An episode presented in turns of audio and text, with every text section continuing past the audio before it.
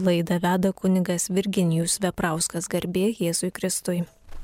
Ir panelė švenčiausiai taipogi, malonus Marijos radio klausytojai, girdima laida aktualieji bažnytinės teisės klausimai. Mes kalbėjome apie kitus dieviškojo kulto veiksmus šalia sakramentų ir tai buvo sakramentalijos. Dabar eisime prie kito skyrelio. Trys kanonai jį reglamentuoja ir jis vadinasi valandų liturgija arba sutrumpintai brevijorius.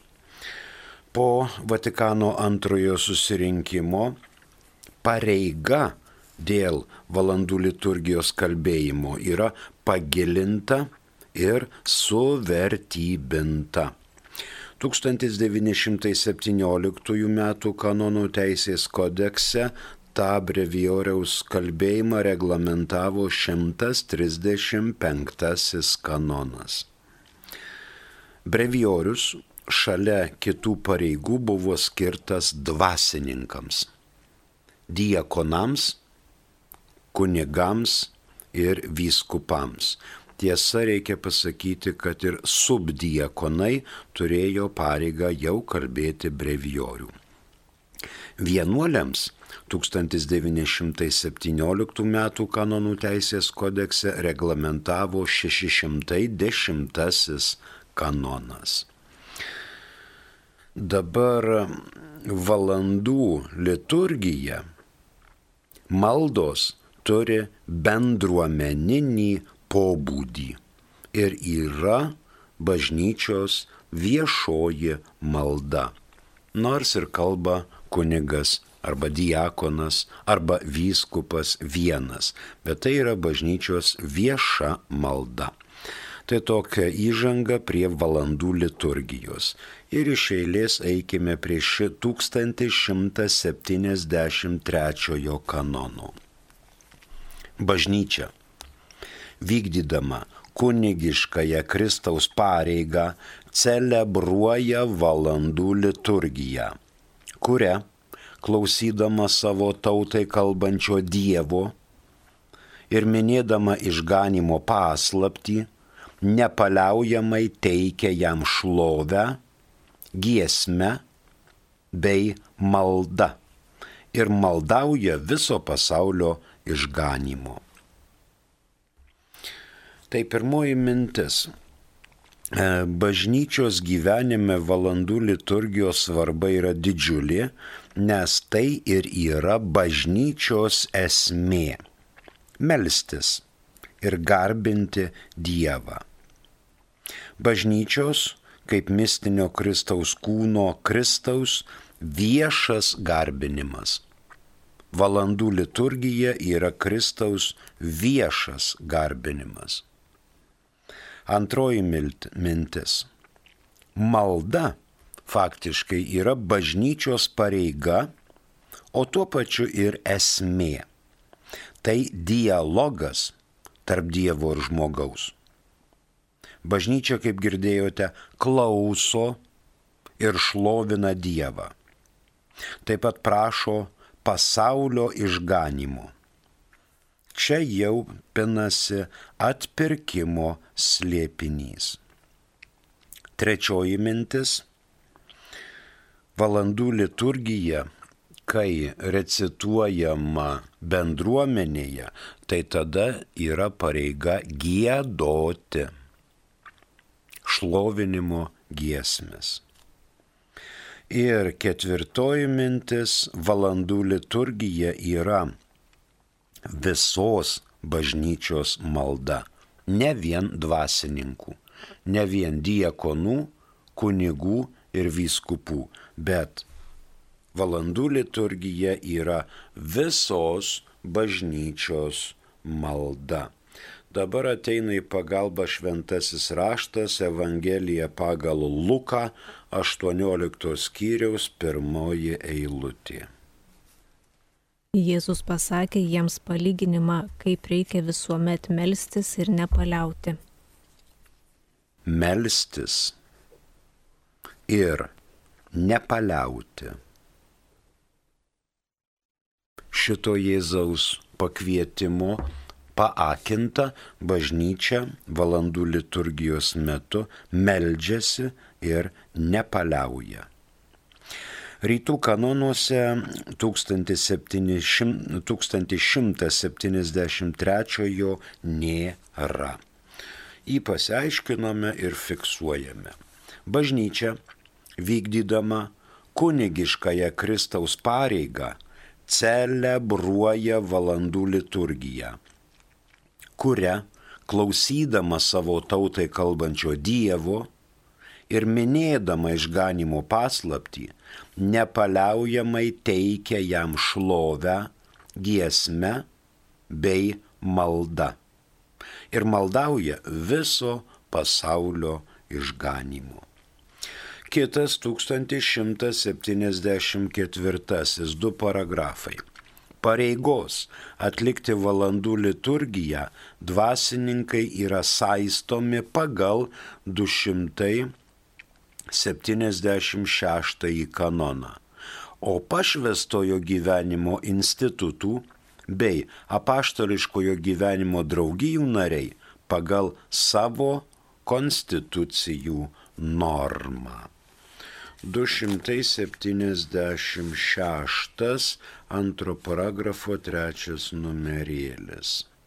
Kunigai ir kunigystės siekiantys diekonai turi pareigą kasdien atlikti valandų liturgiją pagal savas ir patvirtintas liturginės knygas. Nuolatiniai diekonai atlieka vyskupų konferencijos nustatytą jos dalį. Pirmoji mintis prie 1174. Pareiga daliniai bažnyčiai ir kvietimas visiems. Tai pareiga ir kvietimas visiems. 276 jau girdėjom, dar gali ateiti pagalba 663. Aišku, trečias paragrafas. Jie turi atsidėti šventojo rašto skaitimui ir minties maldai pagal savosios teisės nuostatas, garbingai atlikti valandų liturgiją, dvasininkų atžvilgių išlaikydami pareigą, apie kal, kurią kalbame čia 276 ir atlikti kitas maldingasias pareigas. Čia pašvesto gyvenimo institutų, jų narių pareigos ir teisės. Mus pasiekė esame žinutė, prašom. Garbėzui Kristui. Amen. Kodėl išnyko ar išnyksta egzekvijų gėdojimas prieš gedulingas šventasias mišes, juk tai irgi liturginės valandos. Tai nėra liturginės valandos, tai būtent ir yra egzekvijos. Pravoslavų bažnyčia šventųjų mišių auką jungia kartu su brevioriaus kalbėjimu. Kažkada taip buvo ir katalikų bažnyčioje. Katalikų bažnyčioje taip pat buvo jungiamas brevioriaus kalbėjimas draugė su šventom mišiom. Dėl to mišios ištesda, ištestos būdavo. Dabar nėra pareigos jungti šventų mišių auką su brevioriaus kalbėjimu. Ir kaip jūs išnyko egzekvijų gėdojimas prieš gedulinės mišes mano jaunystės metu, tai žinokit, dar buvo tos egzekvijos. Ypatingai šitie visi matutinai ten, bet vyresnio, vyresnio amžiaus kunigai pasižiūrėdavo į mus jaunimą ir sakydavo, tau yra duotas pusvalandis laiko. Egzekvijos žodžiu, pirmas, antras arba trečias noktiurnai, mišios gėdotos ir dar prie salūno ten tos pamaldos. Ir tas turi tilpti į pusvalandį. Jeigu netelpa, jau vyresnio amžiaus kunigai pradeda nirzgėti, kad čia vikarai per daug miega prie altoriaus. Tai įsivaizduokit, dabar jau mišelės per pusvalandį jau taip reiškia išsitenki. O jeigu dar reikėtų egzekvijas gėdoti, jeigu dar libera prie calūno ir gėdotos mišios, tai nėra vien tik taip prefacija gėdota. E, Evangelija gėdota. Evangelija gėdota.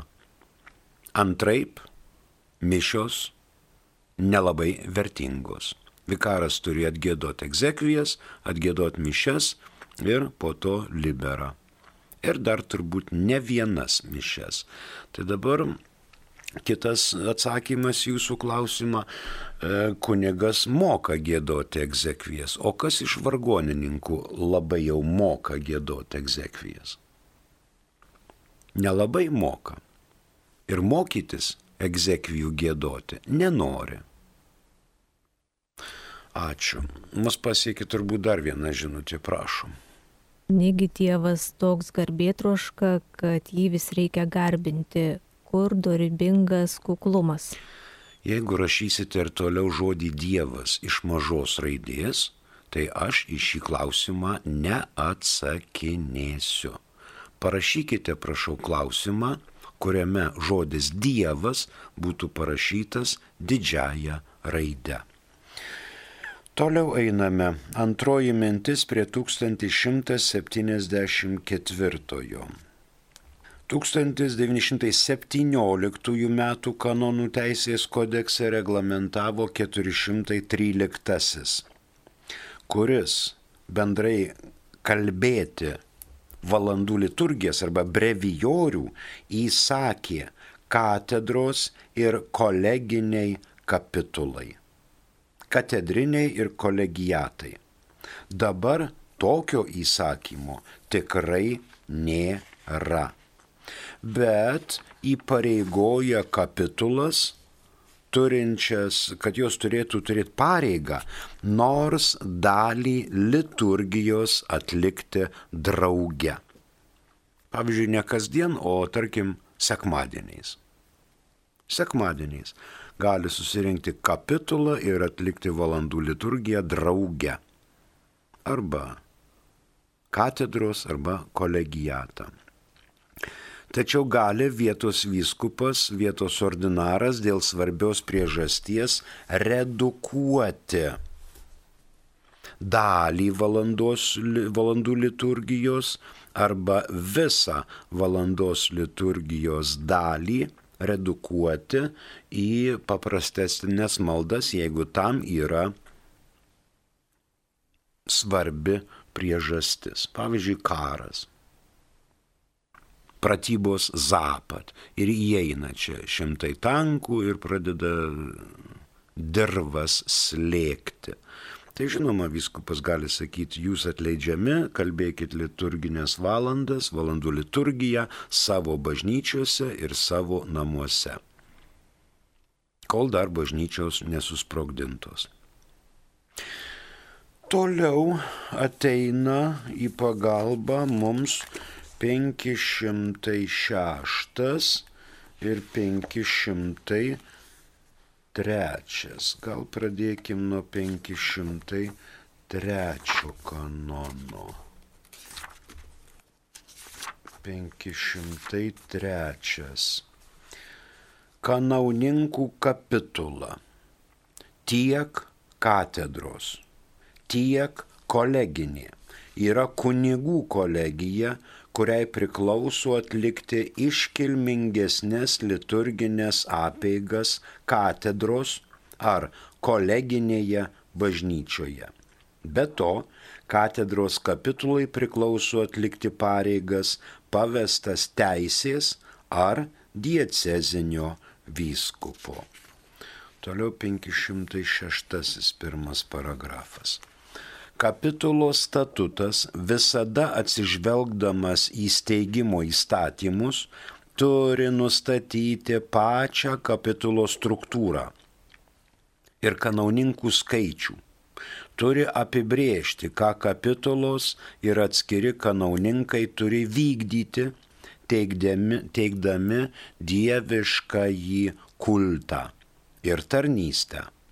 Turi nustatyti susirinkimus kuriuose svarstomi kapitulos reikalai ir atsižvelgdamas į visuotinės teisės nuostatas, nustatyti sąlygas reikalingas veiksmų galiojimui ir teisėtumui.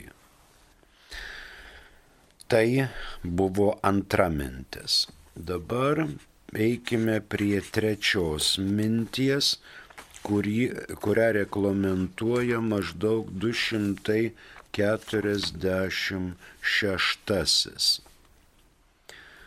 Dėl kartu gyvenančių dvasininkų ir seminaristų. Dabar Euharistijos celebravimas turi būti visos seminarijos gyvenimo centras, kad kasdien auklėtiniai dalyvaudami pačioje Kristaus meilėje visų pirma iš šio gausiausio šaltinio semtųsi sielos tvirtybės apaštaliniam darbui ir savo pačių dvasiniam gyvenimui. Jie turi būti ugdomi celebruoti valandų liturgiją, kurie Dievo tarnautojai bažnyčios vardu meldžiasi Dievui už visus jiems patikėtus žmonės ir netgi už visą pasaulį. Tai tie dvasininkai, kurie gyvena drauge, drauge kalba valandų liturgiją. Seminaristai ugdomi celebruoti valandų liturgiją. Mus pasiekė vėl esame žinutė, prašom. Jeigu popiežius pakliuvo avarijon ir be sakramentų mirė, o kūdikis be krikšto mirė, ar jie bus pragaro tamsoj? Tikrai ne. Dėl Dievo didelio gailestingumo jie nebus tamsoj. O kodėl jie turėtų būti tamsoj? Juk Bergolijo yra jėzuitas, suformavęs savo charakterį pagal Ignaco Lojolos pamaldumą. Ne vieną kartą dalyvavo pats rekolekcijos ir vedė kitiems rekolekcijas, buvo net provincijolas, po to auxiliaras, po to vyskupas, kardinolas, tai jisai jau žino, kaip formuoti savo sąžinę ir paprastai dvasininkai eina iš pažinties, kas dvi savaitės, kartą per mėnesį priklauso. Ir negalima sakyti, kad žodžiu popiežius, tarkim, kasdien celebruojantį šventų mišių auką turi būti būtinai sunkios nuodėmės būklėje. Pateko popiežius avarijon, žuvo, tarkim. Nu ir ką? Tai kodėl jisai turi būti e, į pragaro tamsą, Ir jeigu avarija staigi, tai popiežiusgi nevairuoja savo kokio, reiškia, renuškės arba pežo, jo vežioja vairuotojas su sekretorium, sekretorius paprastai būna kunigas, tai duoda išrišimą, jeigu ekstra ateis, jeigu mato, kad čia kraujai tyška, čia viskas aišku jau. Mm, ir jeigu popiežius mirė vienas, pavyzdžiui, naktį, lovoj, staiga, iš džiaugsmo, iš dar ko nors, tai, tai nemanau, kad turėtų jisai būti pasmerktas mirčiai. Tamsai. O dabar kūdikis be krikšto mirė. Tai kodėl jūs jį siunčiate į pragaro tamsą? Tarkim, kūdikis mirė šiandien, o rytoj buvo užsakytas jo krikštynų ceremonialas. Tėvai tikintys, šliubą paėmę, krikšto tėvai jau pamokyti, viskas suruošta šventėm, na, tarkim, kūdikis užspringo. Ateina tėvai, žiūri, kad jau kūnelės pamėlynavęs. Tai ką jau tokį į pragaro gelmes? Tikrai ne. Tikrai ne. Kuo jis kaltas, kad užspringo ir kuo jis kaltas, kad negavo krikšto. Čia eina, mes kalbame apie suaugusiuosius, kurie specialiai ir tyčia vilkina krikštą ir panašiai. O kūdikis čia su juo viskas tvarkoja. Ir jeigu tėvai pamaldus, gali būti toks kūdikis vyskupo leidimu laidojamas katalikiškomis apieigomis. Ten yra toks užrašas - nespėto pakrikštyti kūdikio laidotuvės. Kai bažnyčia meldžiasi ir už šitą nespėtą pakrikštyti kūdikį. Primenu, kad girdite Marijos radio bangomis laidelę aktualieji bažnytinės teisės klausimai. O mes toliau kalbame apie valandų liturgiją. Ketvirtoji mintis. 1917 m. kanonų teisės kodekse reglamentavo 1475. Dėl dvasininkų valandų liturgijos kalbėjimo, dėl šventimų, kad gavo dvasininkas šventimus ir dėl beneficijų. Dvasininkas kalba valandų liturgiją įpareigojamas sąžinės, o dėl beneficijų tai įpareigojamas teisingumo. Dabar yra likęs įsipareigojimas dėl šventimų. Kaip girdėjote, 246 kanonas. 246. Galim jį ir pakartoti. Tojaus Eucharistijos celebravimas Ne, antras. Jie turi būti ugdomi celebruoti valandų liturgiją, kurią Dievo tarnautojai bažnyčios vardu meldžiasi Dievui už visus jiems patikėtų žmonės ir netgi už visą pasaulį. Ir kitas 276. Pirmas paragrafas. Savo gyvenime dvasininkai išskirtiniu būdu įpareigojami siekti šventumo, nes jie per šventimus naujų pagrindų pašvesti Dievui yra Dievo slėpinių dalytojai, tarnaujantys jo tautai. Tai yra žinoma šventumo siekimas. Dar viena žinutė, prašom. Kam paskutinis patepimas ir kam kūdikių krikštas, juk vis tiek dangus? Ne, ne vis tiek. Ne, ne vis tiek. Tokio kaip paskutinio patepimo nėra. Yra toksai kaip ir ligonių patepimas, kuris atleidžia užmirštas nuodėmės, šalia visų kitų dalykų. Užmirštas nuodėmės, mes čia apie sakramentus kalbėjome. Paskutinis patepimas tai nėra taip, kad patepiai ir mirk ir tave galim laidoti. Paskutinis patepimas dabar neegzistuoja, dabar jis įvardinamas kaip ligonių patepimas, kuris sustiprina kūną ir sielą ir atleidžia net užmirštas nuodėmės.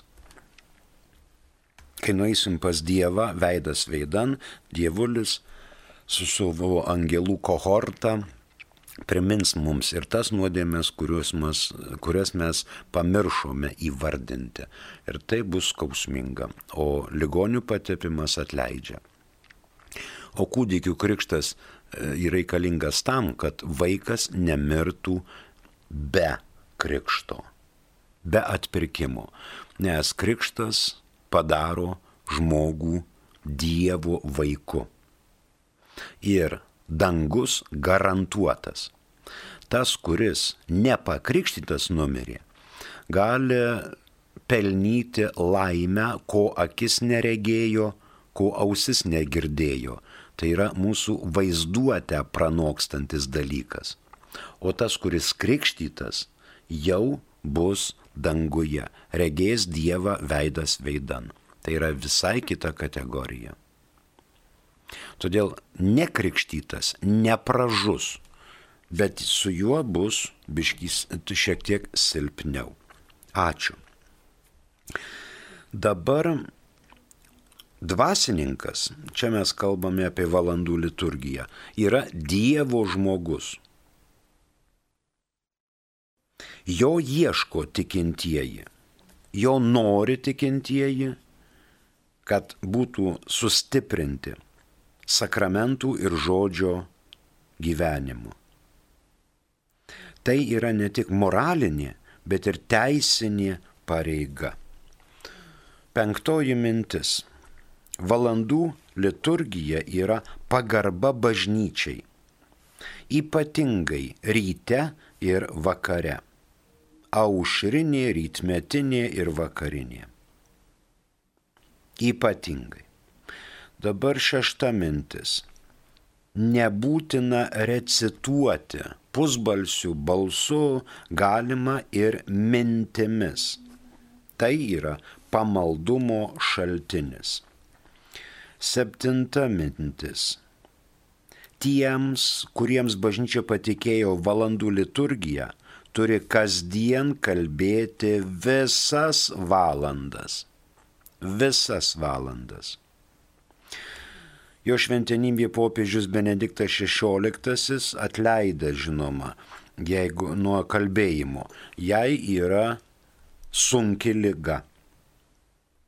Jai garbingas amžius, jau liejasi raidelės, nebepajėgė sudurti sakinių, kad ten nebūtų išsidirbinėjimo, įsidarkimo ir cirko atleidžiamas. Gali atleidi, atleisti dalinai, valandų liturgijos kalbėjimą, ar visiškai galima atleisti nuo šios pareigos.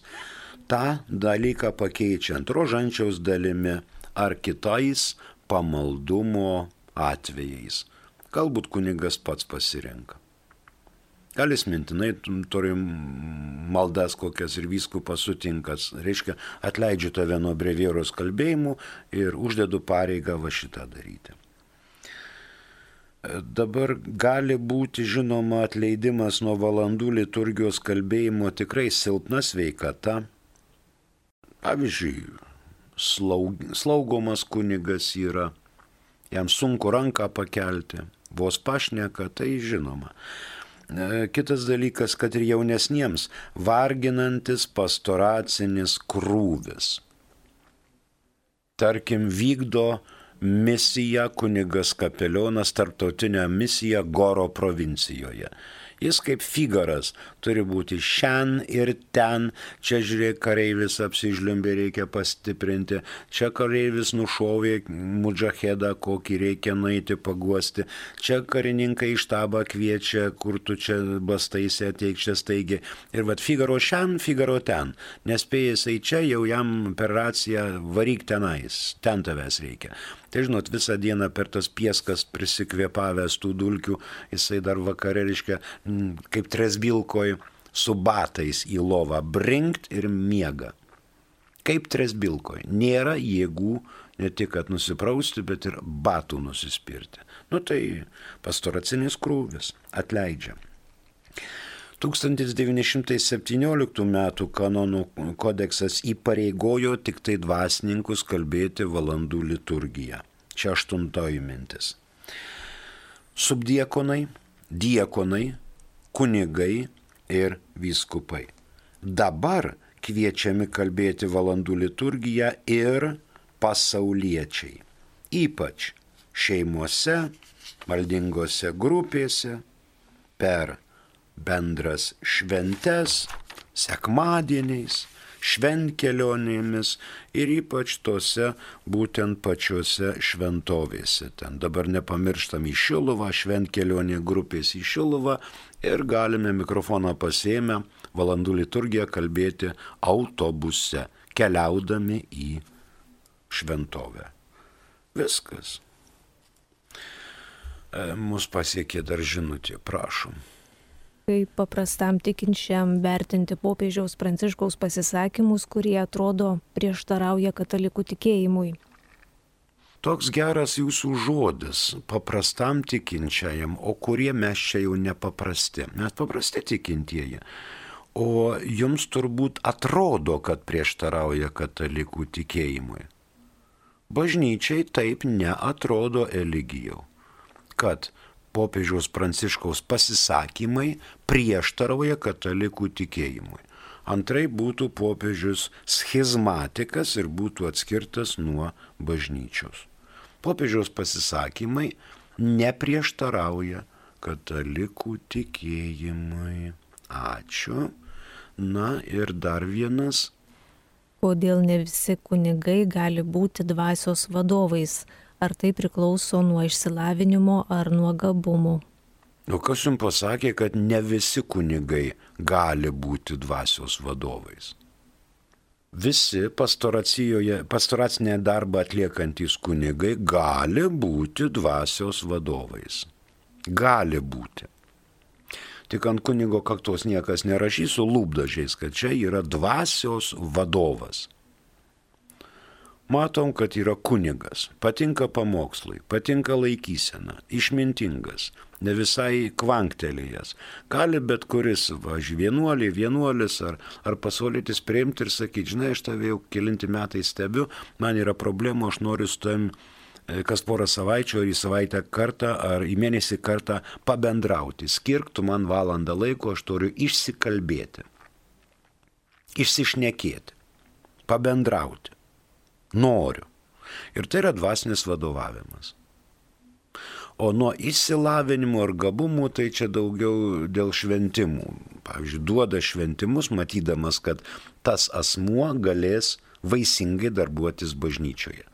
Bet kartais būna, kad tas asmuo prasigeria, tas asmuo meta kunigystę apsiženyje, veda, tas asmuo, pavyzdžiui, nesilaiko kitų disciplinų, įninka į priklausomybės ir negali eiti pareigų.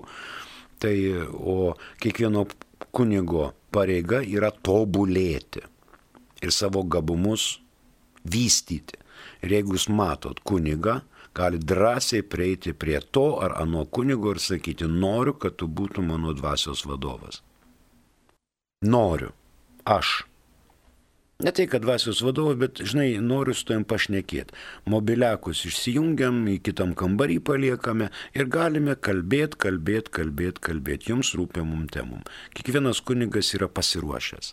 Ar tai altarista, ar tai gerbiamas, reiškia, vikaras jaunutėlis.